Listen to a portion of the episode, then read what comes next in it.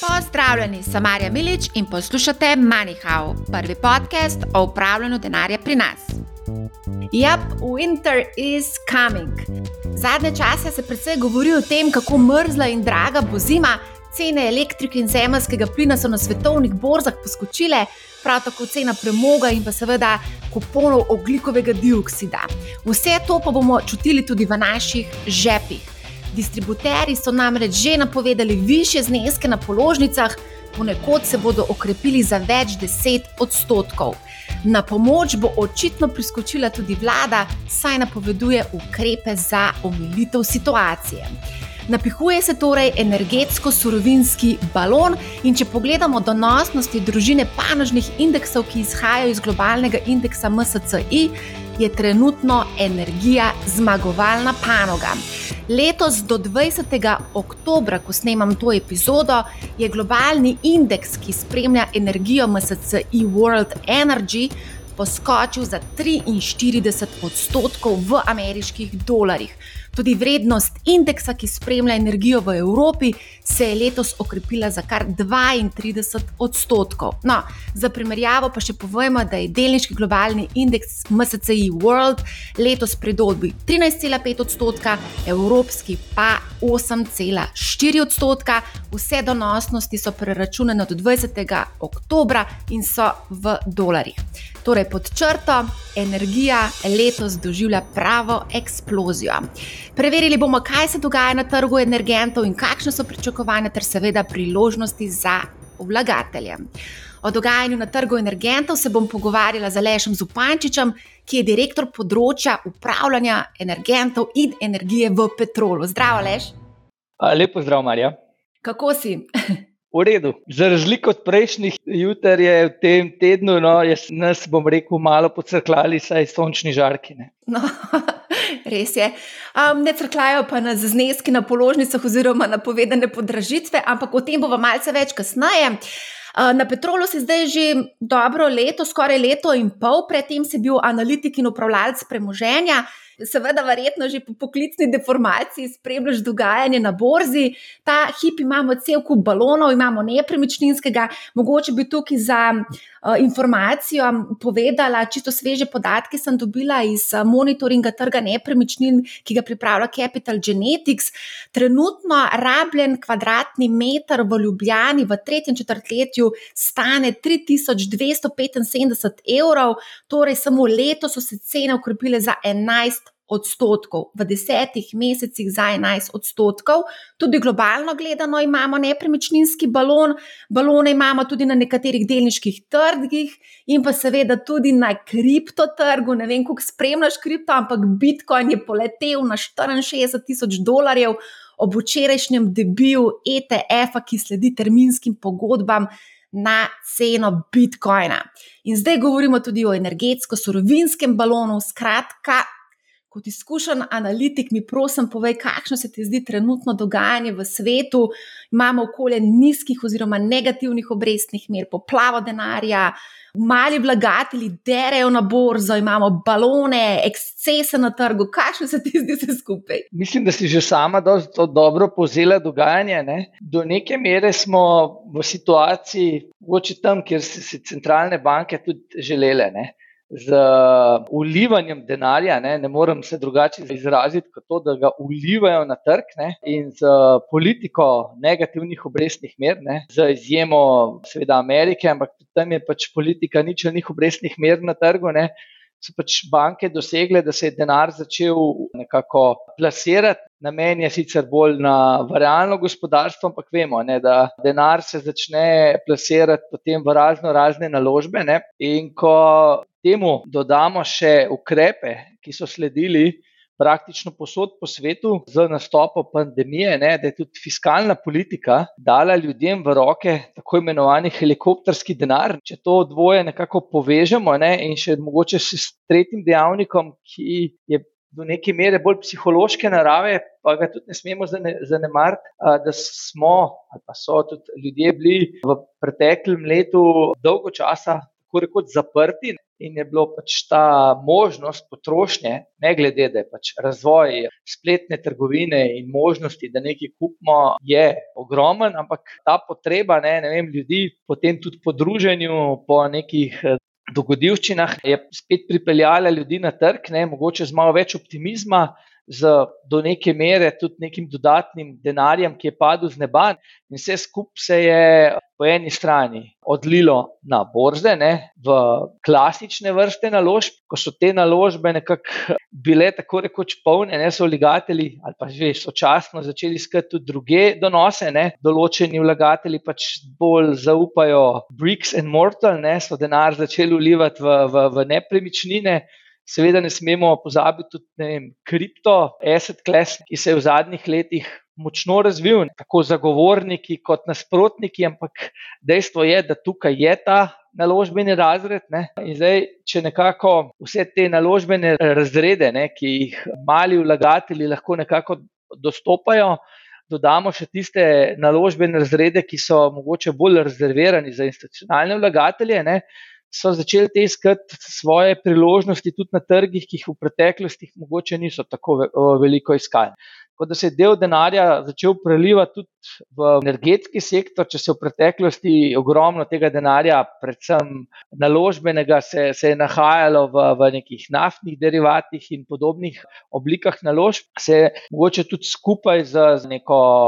Zeleno transformacijo, ki je nek buzzword, ki ga vsak dan pogosto slišimo, ne, se je začel ta denar seliti tudi v te naložbene razrede, ne, kot so ne, elektrika, zemljski plin in emisijski kuponi. Določeni te trgi so relativno plitvi, še posebej, če jih primerjamo z drugimi naložbenimi razredi, in pritok to vrstnega denarja jih lahko dokaj hitro tudi povzdigne na neke više nivoje, za katere smo bili navajeni v preteklosti. A hočeš povedati, da smo sami krivi za više cene elektrike in plina? Če bi že koga krivil, ne, bi lahko rekel, da vem, kdo je tisti, ki, ki vliva denar v, v gospodarstvo. Ne. Pravijo, da včasih neko zdravilo je lahko tudi preveč prime. Um, zdaj, ko se pogovarjam z izkušenimi borzniki, mi povedo, da so zdaj v tem trenutku zelo zvesti gotovini. Se pravi, da nekako niso preveč nagnjeni k investiranju. Kakšen je pa tvoj pogled, tvoj, če lahko razkriješ osebni pogled? Ne? Jaz bi se s tem, nam rekel, strinjal, ampak mi je zelo blizu ta pogled. Je pa te, s takim pogledom, kar sem hotel izpostaviti, morda problem ta, ne, da ljudje, ne, ki, so, pa, ki, smo, ki znamo biti previdni preveč, ne, nas lahko to po domače povedano tudi stane. Ne. Ker če zanemariš ne, to emocionalno komponento, ne, ki nekako poriva trge na vzgor, lahko zamudiš tudi kar lep del te poti na vzgor. No, kot sem pa že omenil, je ta pogled meni blizu, ne, mogoče tudi s tem, ne, kje mi je blizu. Ne, ker če pogledamo, ne, če se vrnemo na delnice, ne, po nekih kazalnikih, ne, je to tako znanstvena fantastika, praktično z, z, z, z preteklostjo posod. Ne, je pa spet nekaj treba se tudi zavedati. Ne, če bomo rekel, gledamo iz nekih fundamentalnih pogledov, ne, je neko normalno okolje. Za premijo, za netvegane naložbe, se giblje okoli 3 do 5 odstotkov, če rečemo 4 odstotkov, danes je pa to praktično nič. Ne. Če ta dejavnik upoštevamo pri vrednotenih, ne, tudi težko rečemo, da, da, da te zadeve, ki so na, na trenutnih nivojih, da so pa čist, bom rekel, brez nekih fundamentalnih razlogov. No. Ampak še enkrat, če, če gledamo samo multiple v primerjavi z preteklostjo, smo res na, na zelo, zelo visokih nivojih, ne, nekje zelo bom rekel, rekord. Zdaj sem brala en članek v eni tuji reviji. Uh, ameriški, ker so obujali spomine na mesec oktober kot eden najbolj groznih mesecev za vlagatelje. Spomnili so se na cel kup nekih kriz, ki so se dogajale ravno, oziroma zgodile ravno oktobra. Kako pa ti vidiš ta oktober, letošnji, zdaj smo že 20. oktober in zaenkrat nekih resnih pretresov ni? Ja, Zdaj, jaz tem mesecem, bom rekel, kdaj se kaj zgodi, ne bi dal preveč uh, poudarka. Ne. Sigurno je za to mesečno statistiko ali pa zgodovino, so neki drugi razlogi, zakaj se kaj zgodi. Ampak, če bi se še enkrat vrnil, ne, če so vsaj v veliki meri centralne banke ne, za svojo monetarno politiko ne, nek dejavnik, ki so ulile ogromen investicijski potencial, ne, so po drugi strani lahko tudi glavni dejavnik tveganja. Tako da zdaj nekaj debat ne, ali pa um, razmišljanj v smer zaostrovanja monetarne politike, temu smo že kar pričane, je pa po mojem oceni to bolj zanimivo spremljati. Ker po eni strani ne, naloga centralnih bank, če bom rekel tukaj izuzamem ameriško centralno banko FED, ki ima še pač drugo vlogo, no, ampak primarna vloga je zagotavljanje stabilnosti cen. Zdaj, če se bomo srečali z inflacijo, ne, za katero seveda centralne banke v tem trenutku vse pravijo, da je transitorne narave, ker bomo še videli, ne, potem bodo imeli resen izziv, ne, ker resno zaostrovanje monetarnih politik se bo odrazilo tudi na vseh trgih. Zdaj, če bodo pa centralne banke povzročile zlom trga, ne, kar sicer ni njihova osnovna naloga, da pazijo trg, ampak če pogledamo zadnjih 20 let, bi skoraj rekel, da se bolj ozirajo na trge, kot pa na cene. Bo kar, bodo pred velikimi izzivi. V katero smer vodi to uh, monetarno politiko. Da, v mesecu oktobru da bodo sprejeti neki večji ukrepi na tem področju, mislim, da ne, ne. Bodo pa pač verjetno naslednji meseci tisti, ki bodo močno, bom rekel, vplivali, ne? še posebej, če se bodo te politike začele obračati nazaj v bolj restriktivno smer. A greva mogoče zdaj na trg energentov? Mhm. Nekaj si sicer že povedal, da je eden od razlogov tudi za višanje cen, tudi pač vstop vlagateljev na ta trg. Mhm. Torej, zakaj cene letijo v nebo? Če se ozremo, ne, uh, bom rekel, na trg elektrike in zemljskega plina, ne, niso tukaj, bom rekel, samo uh, te razlogi, ki smo jih omenjali, ne, pa če se obrnemo na neke bolj fundamentalne razloge, ne, ki so v osnovi dejavnik, ki vplivajo na gibanje na teh trgih, smo bili v letu 2021, oziroma v letošnjem letu, ne priča, ne, da sta bila, bom rekel, tako marec, april, pa deloma tudi maj, ne meseca, ki sta bila bolj hladna. Ne. Kar pomeni, da v teh mesecih se nekako začnejo že polniti skladišča zemljskega plina, ne, V letošnjem letu se to ni zgodilo, ne, ker je bila do neke mere še vedno korilna sezona. Tako da lahko rečemo, da vremenski vpliv, vsaj za, za Evropo, je, kar pomemben, je bil kar pomemben dejavnik. Zdaj, drugi dejavnik, ki ga vsekakor lahko spet potegnemo sporednico s, tistimi, s tistim, kar smo že omenjali, ne, denar eh, je prišel do ljudi. To bomo rekel, po koronsko gospodarski zagon se je nekako odvil. Ne. Centralne banke so dosegle, da se gospodarstva niso zmrznila ne, in veliko popraševanje ne, je, bom rekel, povzročilo, da se je povečalo tudi popraševanje po produktih na azijskem trgu. Posledično se je na tem trgu tudi povečalo popraševanje po zemljskem plinu.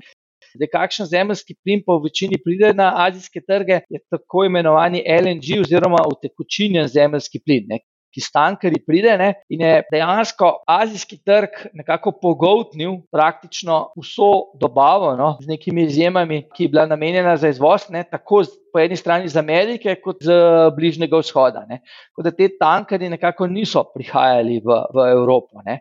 In zdaj dodaten efekt, vsekakor so bili tudi uh, emisijski kuponi, ne, katerih namen je, da gremo v bolj neko zeleno transformacijo, ne, retorika ne, in tudi neki pokoronski ukrepi, ne, kam ne gredo investicije, ne, so tudi pri vlagateljih, še bolj pa pri uh, proizvajalcih, nekako dvignile interes. Ne, zakaj interes? Zato, ker te kupone je. Potrebno imeti za čisto praktično izvajanje proizvodnje, oziroma za proizvajanje. Te kuponi ne veljajo samo eno leto, ne. veljavnost je nekaj let, ne, tako da v bistvu, če jih danes skupaš, ne, ti jih mogoče jutri ne bo potrebno.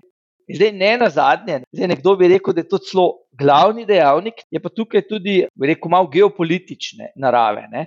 In sicer v letošnjem letu se zaključuje, ali pa se praktično že zaključila izgradnja tako imenovanega Severnega toka 2.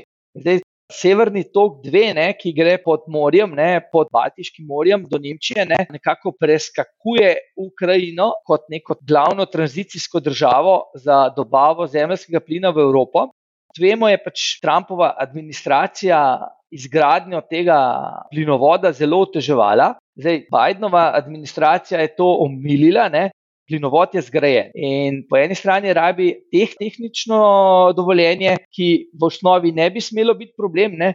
po drugi strani rabi pa regulatorno. Zdaj, z nedobavo ali pa z nekimi nerezervacijami kvot za pretok plina skozi Ukrajino, lahko rečemo, da tudi se izvaja določen pritisk, da se to vrstna dovoljenja zagotovijo ne?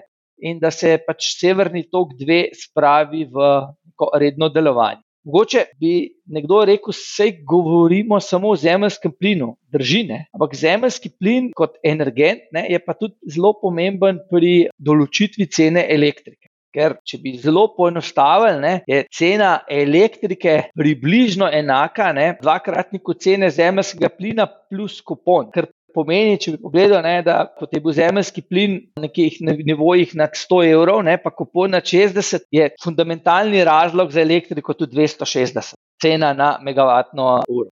Tako da iz tega vidika je zemljski plin zelo pomemben energent pri določitvi cen. Gremo mogoče mečka nazaj na te emisijske kupone. Mhm. Mogoče vsi poslušalci, imamo tudi kar nekaj poslušalcev, ki so v bistvu relativni novinci, pa mogoče niti ne vedo točno, kaj to je. Recimo, pred časom sem brala en članek, kjer so rekli, da so emisijski kuponi novi bitcoin, ne? ker cena je dobesedno eksplodirala. Mislim, da letos je šlo za nekaj okrog 140 odstotkov, v zadnjih petih letih se mi pa zdi, da tam 1500 odstotkov. Ne? Med 5 in 8, ne vem točno, kakšen je bil dno. Ne? Tako da, če s tem primerjamo, je dejansko eksplodiralo. Ampak v letošnjem letu se je cena elektrike, zemljskega plina, pa še dosti bolj povečala kot emisijski kupon. No, ampak, če se vrnemo k emisijskim kuponom, ne, zdaj, enačiti jih z bitcoinom, se, se mi ne zdi najbolj primerno. Ne, ker zdaj, podjetja, ne, ki proizvajajo, potrebujejo emisijske kupone. Ne, za svoj uh, oglični izpust. Ne. Zdaj, bitcoinov načeloma ne potrebujejo na podlagi neke regulative. Zdaj, podjetja, če uh, nimajo zadostnega števila teh kuponov, glede na svoj emisijski izpust, plačajo kazni. Tako da tukaj, saj iz tega vidika, bi jih težko enačil. Ne. Druga zadeva, ki pa mogoče za vlagatelje še bolj pomembna, je to, da Bitcoin praktično lahko kupi vsak. Ne emisijski kupon pa ne. ne. Emisijski kupon je relativno zaprt krok prodajalcev in kupcev. Ne. In bom rekel, na te primarni izdaji, ne, na teh aukcijah je, je, je število udeležencev izjemno nizko. 30 udeležencev v EU. Število teh kuponov se pripiše, ne, ampak ta del je vedno manjši in se iz leta v leto zmanjšuje. Zdaj si povedal, kaj mali vlagatelji ne morejo, katere naložbe kupovati. Zdaj pa dejva se dotakniti tistih naložb, ki pa jih lahko. Na začetku sem omenila, da je energetska panoga oziroma panoga energije eksplodirala, dobro sem eksplodirala, 40-odstotna donosnost letos. Ne. Tudi Alež Grbič v prejšnji epizodi je povedal, da na kratki rok je to zelo zanimiva panoga tudi za male vlagatelje. Seveda je opozoril, da bo verjetno zelo nihajno pa me zanima, recimo, tvoj pogled.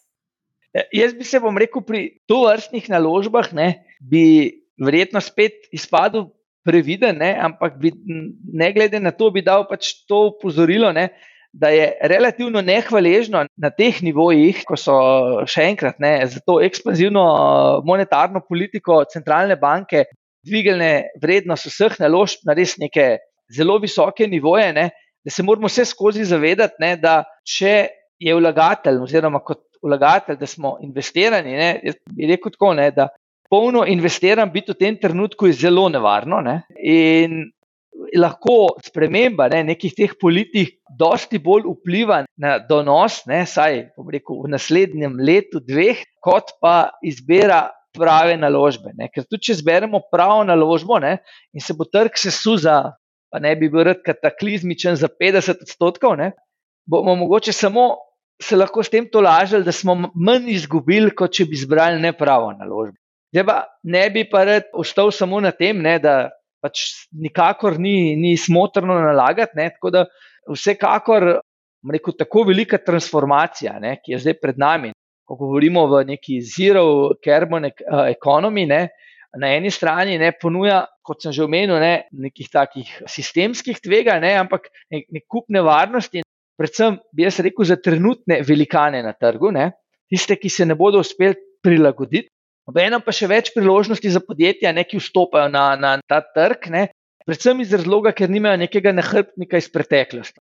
Tako da jaz osebno verjamem, da je pred nami, oziroma da se bo prav gotovo ne, pojavil, ne rekel sam eden, ampak verjetno nekaj tako imenovanih samorogov, ne, ki bodo nastali na, na, na podlagi te zelene transformacije. Če bi mogoče z neko zelo daljno preteklostjo potegnil usporednice, ne, če bi se vrnil vem, v čas uh, zlatokopov na zahodnji ameriški obali. Ne? Zakaj o tem govorim? Ne? Ker ponavadi vlagatelji zelo osko gledamo, ne? vidimo samo, ko bi rekel, nek tunnel vision, ne? to je to, ne? pa ne znamo malo širš pogledati. Ne? In takrat, ne, če pogledamo, kdo je bil tisti, ki je največ odnesel od zlate mrzlice na zahodni obali, ne? Niso bili uh, rudari, zlatokopi, ne? ampak San Francisco, najbogatejši človek je Ratel, ki je prodajal opremo za rodarje. Ne? In če tukaj bi potegnil nekaj usporednic, ne? ker smo že prej, bom rekel, tudi govorili o plinu, ne? pa bi jaz mogoče spet malo širše, širše povedal, ne? zdaj o opremi. Zdaj, zelena transformacija pomeni, da vsi vidijo, ali pa vidimo, ne, da, da prehod na proizvodno iz obnovljivih verov. Ne. Treba pa se zavedati, ne, da te obnovljivi veri ne, niso vedno na razpolago. Sonce ne sija, ne, če drugega ne po noči ne sija, ne, veter tudi vedno ne piha. Ne, in v teh trenutkih ne, je treba nekje zagotoviti energijo. Pa ne bi šel tudi globje, ne, da lahko v teh trenutkih, če bi imeli samo to vrstne vere, bi energetski sistem razpadel, ne, je to mogoče tematika za kakšno drugo debato. Kdo zagotavlja energijo? Ne? V sedanjem trenutku so te, bom rekel, proizvajalci ne? še vedno iz fosilnih verov, ne? ali so to termoelektrarne, ali so to plinske elektrarne, oziroma mogoče najbolj zelen ver je, so jedrske elektrarne, ki tudi ne puščajo, oziroma puščajo minimalen otis. Ne? Zdaj, če pogledamo širše, ne, je jedrska elektrarna za zelene, ne, marsikje v kakšnih zahodnih državah tudi nespremljiva. Tako da smo priča, da se bodo zapirale, je, oziroma vsaj zaenkrat je politika vse jedrske elektrarne v Nemčiji, Belgiji, Španiji, ne, jezdec na jedrski energiji v Evropi je Francija. Ne. Zdaj, brez to vrstnih elektrarn bodo ti izzivi še večji. Termoelektrarne so na poti zaprtja, mogoče še na hitrejši poti zaprtja. Kdo pa bo vzdrževal ne, v tem umestnem obdobju, ne, se bo pa težko odreči plinskim elektrarnam.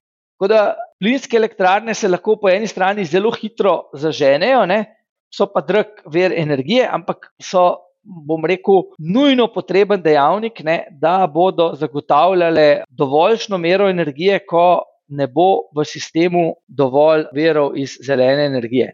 Ne, pa tudi, doskrat se pozablja, da tudi hidroelektrarne, če ni vode, tudi delajo omejeno, ne, ali pa celo ne delajo.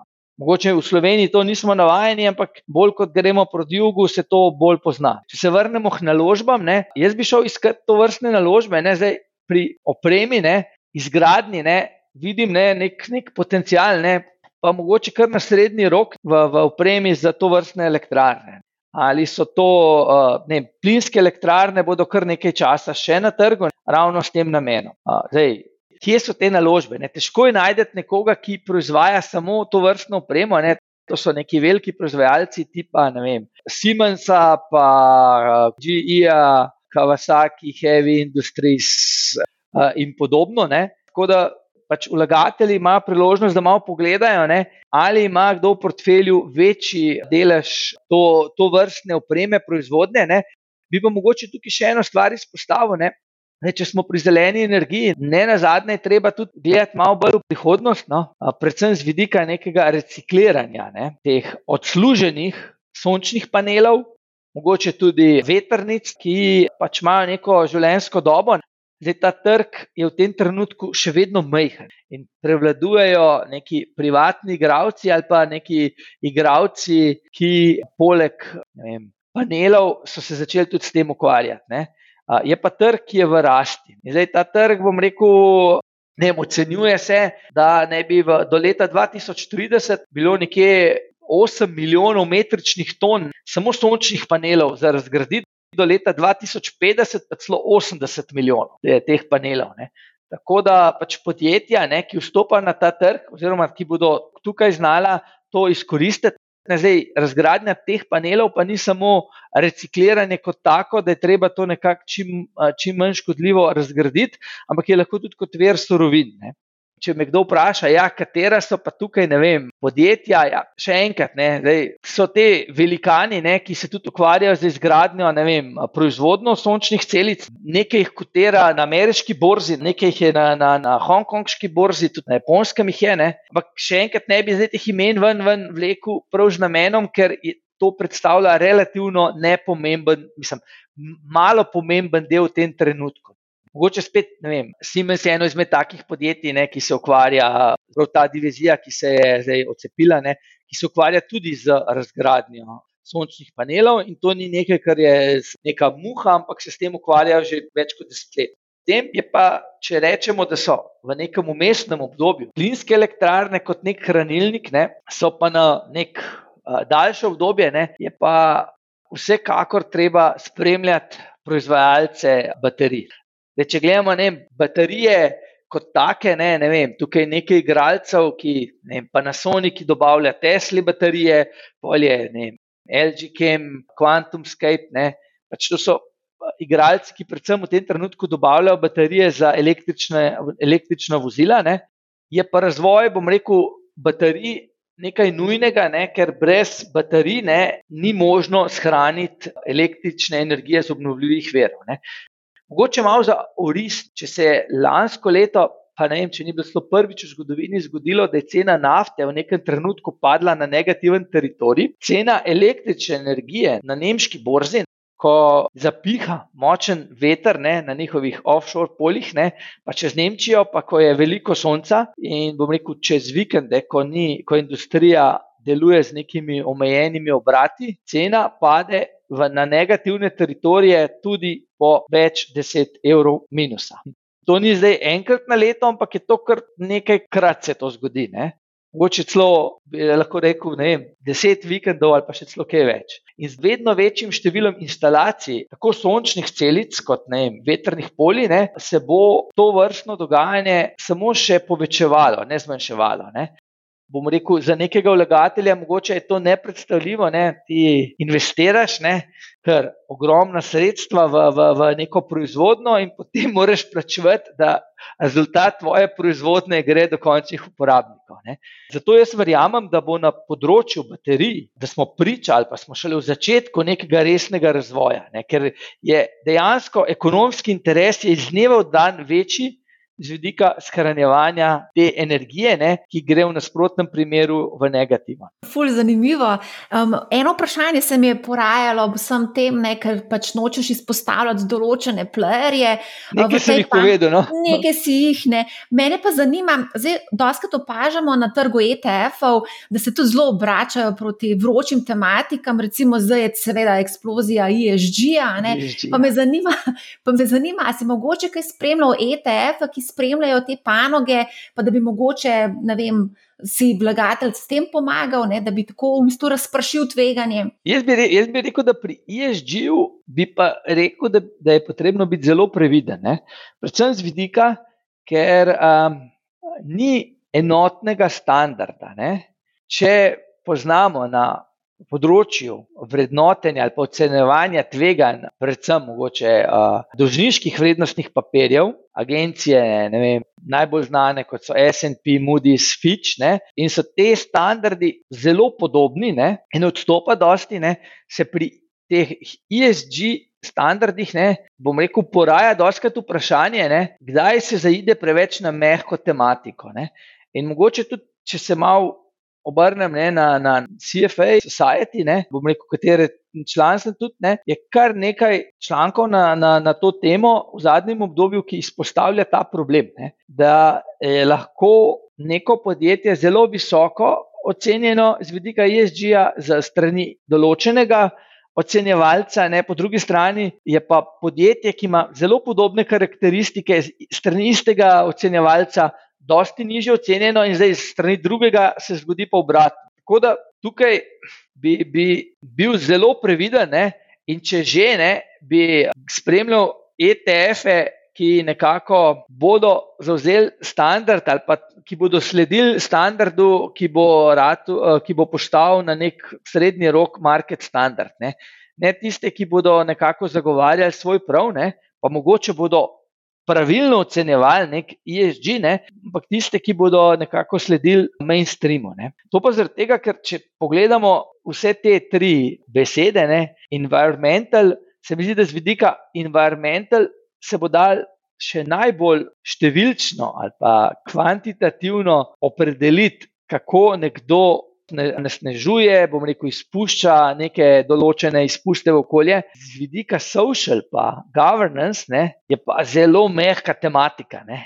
In če se mogoče spet malo v preteklost ozremo, ne, ko smo bili priča ne, predhodni krizi, tako imenovani subprime krizi, ne, ko so na, najbolj priznane, eh, renominirane agencije, ne, tako imenovane junk papirje, ne, pa ne mislim junk bonde, ne, ampak res tiste subprime loans, ne, pakirale v tako imenovane AAA razrede, ne, in kjer je bilo tudi marsikaj razkrite komunikacije, da so to delali mimo vseh standardov, se bojim, da bo ta ESG imel velike izzive, da bomo prišli do nekega enotnega standarda. Ne.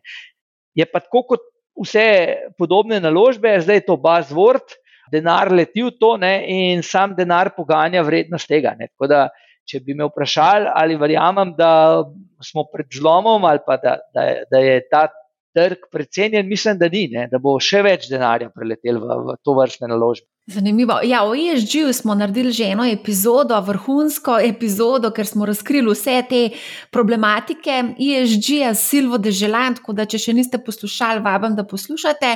A greva se dotakniti še malo vse te zelene energije, ker zdaj recimo Nemčija je zelo zanimiva. V Nemčiji pač oblikuje zdaj novo vlado in ta vlada bo bolj zelena. In so celo napovedali, da nekako načrtujejo opustitev pač uporabe premoga pri zagotavljanju proizvodnji električne energije do leta 2030, se pravi 8 let prej, kot je bilo prej planirano. Um, zdaj to je še 9 uh, let, oziroma še manj 8 let. Ali je to sploh realno, ali so to spet neke obljube, ki so danes samo zaradi populizma ali zaradi ne vem česa? Ja. Bi, bi se kar nekako pridružil tele, mogoče vašem uh, oceni, ne, da to je bliže nekega populizma, saj ob trenutnih zmožnostih ne, nadomeščanja to vrstne energije. Pa še eno zadevo bi nekako upozoril, ne, ta nemški nek hipokratski odnos ne, do okolja, ne, ker če pogledamo samo letošnje leto, ne, v ja, mesecu januarju. Če ne bi, bomo rekel, nemški energetski sistem ne, dobil po eni strani eh, jedrske energije iz Češke, ne, ki jo tako ne marajo, ne, in po drugi strani termoenergije iz Poljske, ne, ki jo še bolj ne marajo, ne, bi Nemčija doživela blackout. Tako da se mi zdi, da se približujemo točki, ne, če se bo res zgodil blackout, da bo navdušenje ljudi nad prehitrim zelenim prehodom popustilo. Še posebej, če se bo to zgodilo sredi zime, ker se mi zdi, ko nas bo enkrat zeblo, ne, ne bomo več tako zeleni.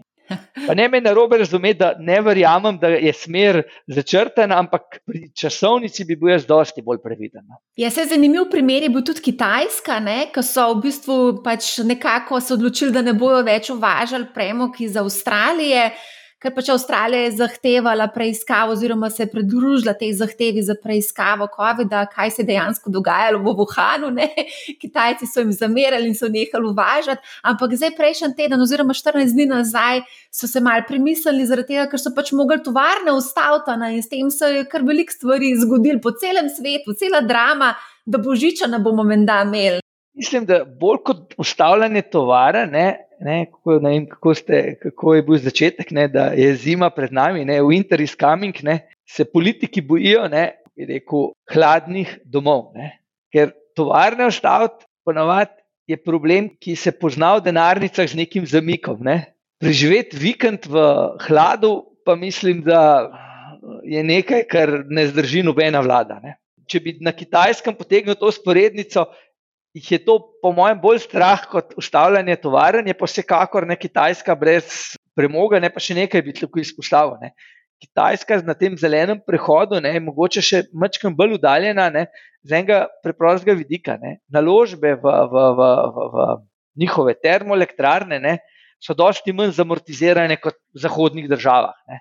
Njihova pragmatičnost ne, in po eni strani, in po drugi strani je težko, da bo nekdo zaradi nekih zdravstvenih razlogov večje težave povzročal politiki ne, in mu omogoča, da bojo termoelektrarne na kitajskem še kar, še kar kakšna desetletja, ne, kakšno desetletje ali pa mogoče celo boljše desetletja v obratovanju. Ne.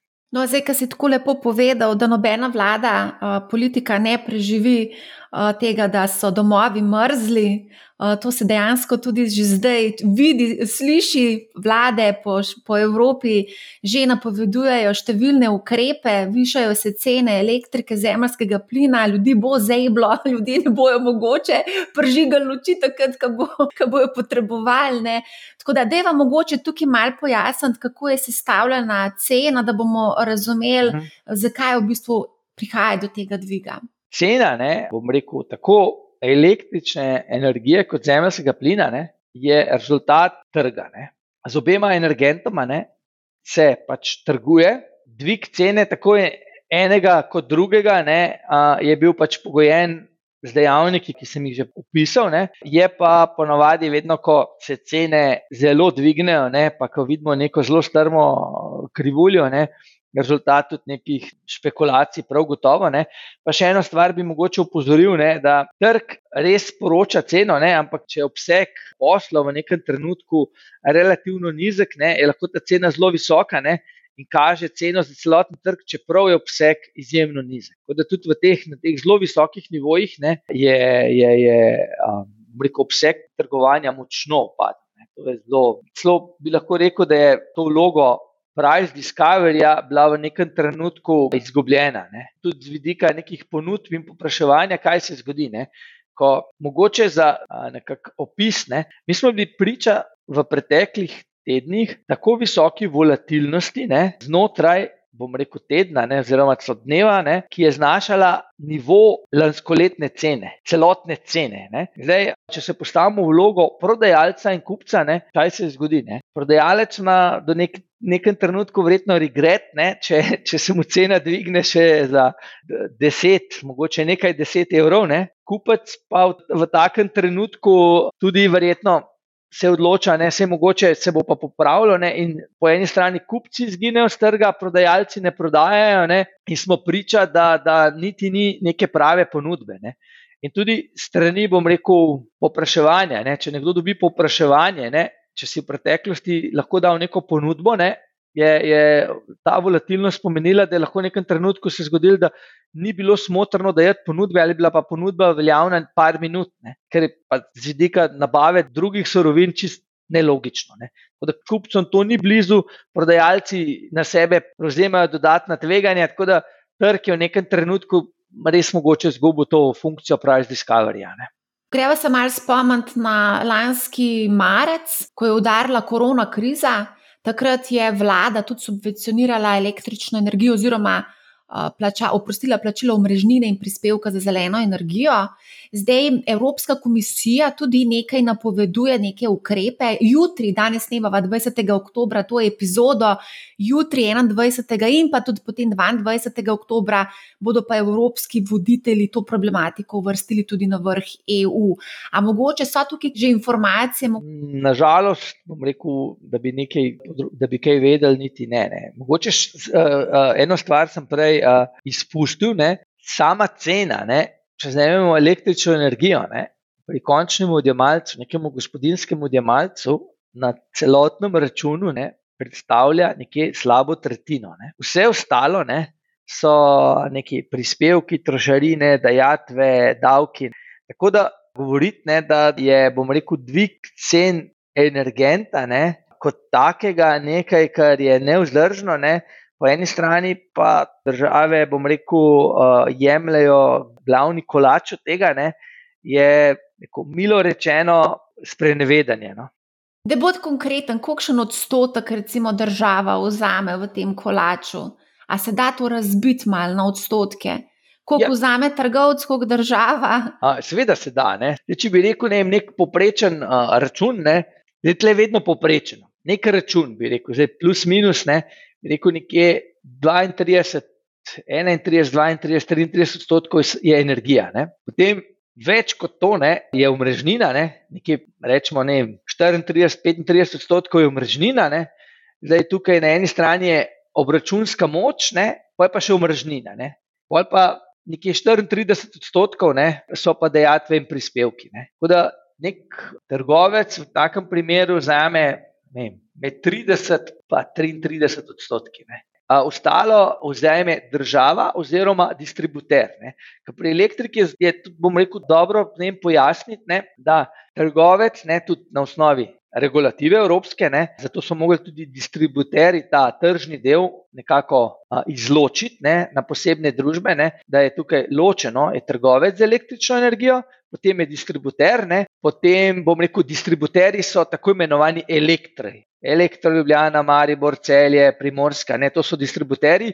Kaj je njihova vloga? Oni zagotavljajo pač omrežje ne, do naših domov. Ne, to hrbtenico ne, pa zagotavlja ELES, ki je pa v vlogi transmission operatorja ne, za Slovenijo, ne, to je pa pač pa pripelje in odpelje, ne bom rekel, glavni vodi so pa pač v funkciji, bom rekel, ali pa uh, za glavne vode pa skrbi ELES, ne, kot, kot uh, lastnik omrežja in skrbi, da je tudi za stabilnost omrežja. Ne. Ker že prej sem, sem omenil, ne, da omrežje, ne, mislim, elektrika je zelo specifična. Ne. Če ni omrežje v ravnovesju, ne, če je premalo ali pa preveč, ne, omrežje pade.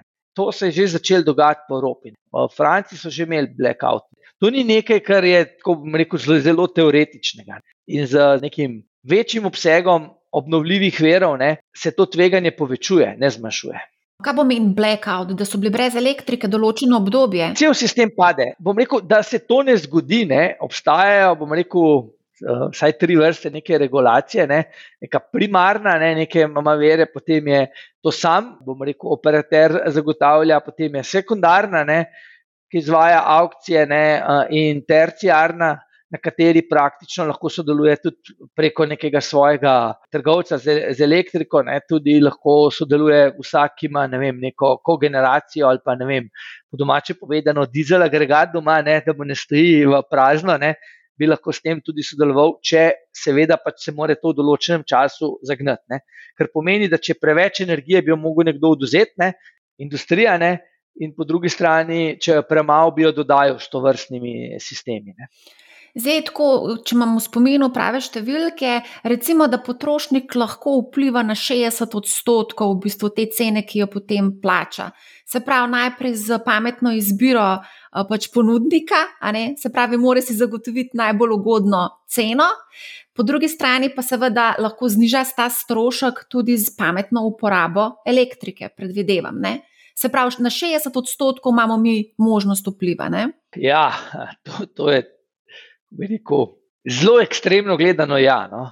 Za poprečnega uporabnika ne, bi jaz rekel, da, da je to zelo nepoprečni uporabnik, ne, ker um, težko v tem hitrem tempu življenja ne, se, se nekako, bom rekel, um, odzovemo, da imamo vso porabo ne, na neki nizki tarifi, ne? potem da vem, skrbimo za ustrezno segrevanje, ohlajevanje, vem, da, da nas ne zebe. Ne? Dosti je subjektivnih dejavnikov. Ne? Zelo veliko je subjektivnih dejavnikov, in s tem se seveda morajo spremeniti tudi določene navade. No, ali pa ja. nekaj je treba pri otroku začeti vzgajati, kako je pač potrebno vrčevati z, tem, z energijo in ne biti preveč potraten.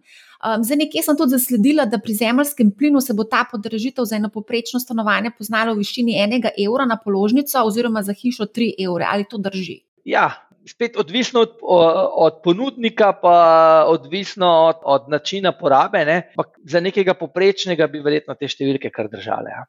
Se pravi, um, nekako se napoveduje, večina pač ponudnikov napoveduje podražitve v naslednjem letu, se pravi, začetku naslednjega leta. Redke izjeme so napovedali že malo prej, recimo Petrol, ne, če smo natančni. Um, se pravi, takrat lahko pričakujemo dvig teh cen, ali se lahko v tem času morda kaj spremeni in da potem ne pride do tega dviga. Mislim, tako bom rekel, za, za elektriko, ne, z zemljskim plinom je rekel, podobno. Ne, če se ne vem, mogoče najprej obrnem na neke industrijske odjemalce, ne, sta pač energenta, ki se jih kupuje vnaprej. Ne. Poraba za naslednje leto ne, je bolj ali manj zakupljena pri vseh. Ne. Zdaj, kaj se bi zgodilo z, z ne, nekim večjim upadom cen elektrike ne, na trgih. Ne. Ta vpliv bi verjetno se poznal v letu 2023, ne, ne prej, ne, ker ne verjamem, da uh, obstaja neki, mogoče kakšen manjši dobavitelj, ne, ki ne bi imel uh, zakupljene energije za naslednje leto. Ne. Ja, bili smo priča, predvsem, mislim, če gledamo celo Evropo, v, v Veliki Britaniji, da je kar nekaj teh dobaviteljev zaprlo trgovino, tudi v Sloveniji smo bili priča za, pri enem manjšem, ne, pri večjih, bom rekel, močno dvomim. Ne, in zdaj, če to drži, ne, pa verjamem, da drži, ne, znižanje cene ne, ne bi smelo imeti nekega bistvenega vpliva na gibanje ceno elektrike v letu 2022. Elektrika ne, je relativno likviden trg, ne, tudi za naslednja tri leta, ne, tako da lahko že danes, bom rekel, pogledamo. Ne, če bi, če bi vem, na včerajšnji dan gledali ne, cene elektrike ne, na mačarskem, kot za nas relevanten trg, ne, na mačarski borzi, ne, so bile na, ne, 100, nad 130 evrov ne, za leto 2022, ne, kar pomeni, ne, če, če malo uh, poenostavim. To pomeni, da če bi nekdo kupil za naslednje leto ne, elektriko včeraj in da ne bi nič ustvarjal uh, pozitivnega rezultata, bi pomenil, da bi mogla biti cena na, na, na kilovatno uro 13 centov. Danes pa mislim, da ni, ne vem, kdo kdo na trgu prodaja po to vrstni ceni, oziroma da je napovedal tako visok dvig. Tudi po dvigih za naslednje leto je cena še vedno dosti nižja od te cene. Ne. Za leto 2023 se pa cena giblje okoli 90 evrov. Ne. Če rečemo, da je trg tisti price discovery. Ne, Če danes gledamo, to pomeni, da na te trenut, trenutne nivoje, ki so, ne, ne, bi lahko rekel, da se bo cena gibala tam približno, kjer je. Ne. Ampak to je skozi današnje oči. Pogodbe za 2023, ne, smo rekli, okoli 90 evrov. Da, kakšna bo cena, ne vem, konec leta ne, ali pa v, v, v naslednjem letu, ne, ko bo nekdo zapiral, lahko je tudi ne vem, ne vem, nekaj nižja. Ne, ampak da bomo pa prišli na tiste koronske nivoje, ne, pa močno dvomim. Ne. Kdaj pa bomo prišli na predkoronske nivoje? Težko je to ocenjevati, predvsem v luči ne, vedno novih instalacij ne, energije z obnovljivih verov, ne, in po drugi strani tudi rasti cene emisijskih kuponov. Ne. Ker emisijski kuponi kakorkoli vzamemo, ne, se nam poznajo v, v ceni ne, elektrike. Zdaj, če je neka želja, vse splošen konsens, ne, da je treba jeti v zeleno transformacijo, nas to nekaj stane. Ne. Če bi rekel skozi današnje oči, verjetno ne še tako hitro. Ne. Je bolj stvar tehnološkega razvoja, ne, da bo pač tudi, bom rekel, elektrika iz to vrstnih verov ali pa ne vem. Z pomočjo nekih baterij, cenovno bolj ugodna. Ne. Ne samo, da bomo čutili na višjih položnicah, nekatera podjetja so celo napovedala odpuščanje oziroma opuščanje določenih programov. Kaj so nas zdaj tukaj pričakovanja? Se to samo za nekaj grozi, zato da se spodbudi vlado k neki aktivaciji, ali dejansko so res podjetja slovenska in delovna mesta ogrožena zaradi više cene elektrike in zemljskega plina? Prav gotovo ne, če podjetja nimajo zakupljene energije ne, za letošnje leto ali pa za naslednje leta, ne, je to neuzdržno. Ne. Za večino podjetij, ne, ki to vrstnih stroškov ne morejo prenesti na končne odjemalce. Pa verjamem, da je malo podjetij, ki to lahko naredi. Mogoče spet sam za primerjavo. Če nekdo nima zakupljene energije in jo kupuje na tako imenovanem spot trgu, je cena v teh trenutkih na nekje 220-230 evrov na megavatno uro. Ne. Če rečemo, da je za naslednje leto 130 evrov na megavatno uro draga, ne, potem je 230 še toliko hujša. Tako da verjamem, da to niso samo grožnje, ne, je pa kar nek pomemben element, verjetno bil to, da pač podjetja, ki v preteklosti niso imele zakupljene energije, pa mislim predvsem na lansko leto, ne, so na spot trgu dobile dosti ceneje energijo, ne, kot bi jo, če bi jo imelo zakupljeno. Zdaj verjetno to vrstni odjemalci niso računali, ne, da, da lahko pride do tako visokih dvigov ne, in so do neke mere špekulirali, kar pa lahko marsikatero podjetje, še posebej, če so marže nizke, ne, jim onemogoče proizvodno, ne, oziroma da je zapiranje celo smotrna odločitev, saj za neko krajše obdobje. Se pravi, kar velik del slovenske industrije je energetsko intenziven. Ne? Um, a lahko mogoče tukaj sva bolj konkretna? Predvsem je odgovor, ne, kdo ima zakupljeno energijo, pa kdo jo nima. Ne, ker rekel, po mojem oceni, da energetsko bolj intenzivna podjetja ne, se to vrstnih tveganj bolj zavedajo, ne, ali pa so se jih zavedala ne, in so temu posvetila tudi več pozornosti v preteklosti. In po mojem oceni je manjše tveganje pri teh podjetjih, ne, se, verjamem, da niso čisto polno vse zaprto, ampak v veliki meri pa, ja, pa so ne. Ampak da so bolj nevarna, pač večja nevarnost obstaja pri podjetjih, kjer spremljanje to vrstnega stroška ni bilo tako v prvi liniji, ne, pa so morda, bom rekel, temu namenili premalo pozornosti in so ostali iz takih ali drugačnih razlogov ne zaprti. Ne. Tako da, kakršna koli ocena, kdo bi lahko imel ne, neke težave, ne, z izjemo tega, ker vem, smo uh, lahko vsi v medijih prebrali, ne, kaj je tudi gospod Mervar v intervjuju, ne, kot predsednik uprave Elisa, povedal, da ima Talum, ki je velik porabnik energije, ne, še ne zakupljeno elektriko. Ne vem, težko bi, bi kaj več le govoril, kdo bi lahko imel težave. Se pravi, vsa ta podjetja, ne, predvidevam, da imajo neke oddelke z nekimi analitiki, ki v bistvu trgujejo na borzi. Vsaj tako naj bi bilo. Naj bi imela, ne. jaz se bojim, da nimajo. Ne. Ja, mogoče se bojo pa po tej um, situaciji omislili kakšnega analitika, ki bo to malo bolj podrobno spremljal. Pa še eno stvar se treba zavedati, da pač slovensko gospodarstvo, ne z vidika nekih evropskih standardov, je zelo SME gospodarstvo. Ne. In bom rekel, tudi na, na ustroj podjetja, velikost podjetja, ne, vprašanje, ne, če imajo dovoljšne resurse, da bi imeli, uh, bom rekel, vsi te, saj mogoče mečken manjši, ne, ta veliki imajo, ne, ampak mečken manjši to potrebo nekako pokrito. Ne. Ja, enkrat, nedolgo nazaj sem slišala, da, da, je to, da je tukaj zelo veliko špekulacij pri tem trgovanju, da se zelo veliko špekulira, da je zelo tako. No. Verjetno je tudi gospod iz Taloma mogoče kaj špekuliral. In ni za, za kupo električne energije. Rekel, glede na to, da je lasnik Taluma Eles, ne, ne vem, mislim, ne vem, mislim, težko ocenjujem, kaj so razlogi, zakaj nimajo zakupljene. So po domače povedano najbolj prikoritu. okay. A greva še mečkam pogledati Slovenijo, imamo 15,5 odstotni delež eh, premoga, še vedno v oskrbi z energijo pri nas. A greva mogoče tu malo pogledati, kaj, kaj se dogaja, kje Slovenija dobavlja energijo, koliko imamo doma proizvodnje, tako čist na hitrca.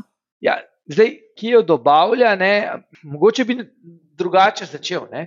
Zdaj, z nekega zelo makro vidika ne, je Slovenija proizvede glavnino energije, ne, ki jo porabi ne, doma. Glavnino, Zdaj pa, ha, ko pravijo, da hudice ponovadi skrivajo v podrobnostih. Ne. Ena zadeva, ki je, ne, bom rekel, marsikdo, ne, tudi eno izmed vprašanj, ne, če se ne motim, je tudi bilo, ne, ko smo že govorili pred tem podkastom, ne, ali mogoče kdo kaj preveč populistično o čem govori, pa bi rekel, da najmanj, kar je poenostavlja. Ne. Malo se pozablja, ne, da smo na, bom rekel, v okviru Evropske unije, ne, obstaja trg ne, in Evropska unija se zelo zauzema za delovanje trga. Ne. In na tržna ekonomija je pa zelo daleč od dogovorne ekonomije. Ne. Ko nekdo omenja, da se proizvedemo vse sami, ja, ali pa samo nekaj majhnega bi bilo potrebno voziti, ne se je potrebno zavedati, da če smo znotraj Evropske unije, ne, to niti ni možno. Ne. Mora pač vsak nekako skrbeti, ne, gospodarski subjekt, da tudi sam maksimizira neke rezultate. Ne. Druga stvar, ki pa je, je pa treba se zavedati, da kar pa nismo nič govorili, da tudi znotraj dneva, ne, znotraj posameznih ur, energija poraba zelo niha. Ne pa tudi nismo se dotaknili, da cena znotraj dneva ne, močno varira. Ne. So lahko določene ure, ne, ko bo cena energije šla čez 3000 evrov na uro, ne, in določene ure, ko bo negativna cena. Ne. Tako da, zdaj, da je sistem skozi ravnovesje, moraš biti, bom rekel, del nekega večjega sistema ne, in ravno za neko vključenostjo v to vrstne ne, sisteme. Ne, uh, pač se zagotavlja, da se energija uvaža in izvaža. Tako da govoriti, ali imamo samo zadostno gospodarstvo, ki bo poskrbelo, da imamo vedno dovolj energije, elektrosistemi niso tako narejeni. Ne? je pomembno, da so del nekega večjega, ker s tem pač, ko so presežki, jih lahko plasiraš ven, oziroma ko so primankljajih, lahko pripeleš. Ne? Ja, nismo več govorili o tem, ampak mogoče pa lahko zdaj za konec omenjava, oziroma dava kakšne napotke za potrošnike. Mogoče tukaj lahko omenjava nizko tarifo, ki se vključi, mislim, da od 22 do 6 ure zjutraj, pa med vikendi, pa prazniki. Ne? Ja, bom rekel za potrošnike, ne, zdaj, uh, najbolj generični uh, na svet je, ne, da je potrebno manj trošiti. Zdaj, to, je, to je najtežje narediti. Ne.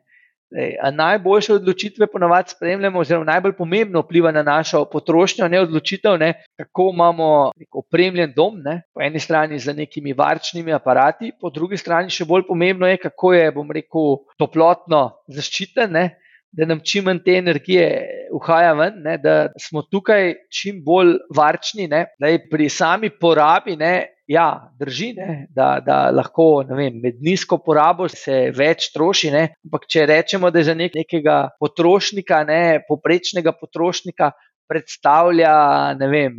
Strošek, zdaj, goli strošek energije, ne, rečemo ne, nekih 10 ali pa ne, mogoče 15 evrov, ne, tudi če privrčujemo 20 odstotkov tega, ne, bomo še vedno uh, privrčevali vem, 2 evra ne, na mesec. Ne.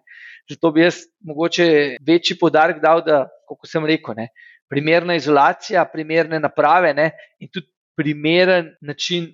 Ugrevanja, to, to, to je pomemben dejavnik. Ne. Zdaj, ko to razlagaš, mi je šinila ena ideja ali pa misel uh, skozi glavo. Kaj pa z električnimi avtomobili zdaj? Podobno kot velja za stanovanja, ne, uh, bi rekel, uh, če je tista neka poprečna poraba, ne, uh, neka ocena, da se porabi nekje nekih 16 kW za 100 km, ne, zdaj spet. To, pri električnem avtu vreme zelo pomembno vlogo igra. Ali je sonce, ali je mrz, ali je, vem, ali je idealno, pa se pelemo krasno, krasno po mestu. Ne. Da, če rečemo tistih 16 uh, kW, ne, pa če porabimo za 100 km, ne, da tudi če se ta strošek, bom rekel, dvigne, ne bi to smel biti tisti, ko bi rekel, game changer. No. Zdaj, da bo nekdo rekel, da je zdaj elektrika, za električen avto še vedno je poceni. No. Deva samo še uh, za konec na svet za vlagatelje, ki mogoče zdaj pogledujejo proti tej panogi. Ja, se, če bi pač povzel, ne, jaz bi velik, velik, uh, bom rekel, fokus dal, ne, če že moram nekam fokus dati ne, v industrijo, ne, ki je že razvita, pa se še razvija, ne, da je kakršni koli hranilniki energije, ne, ali so to baterije, ne, ali bo, bom rekel, nek preboj na vidiku teh elektrolizerjev in tako imenovanega zelenega vodika, tudi kot hranilnika, ta del bi jaz spremljal.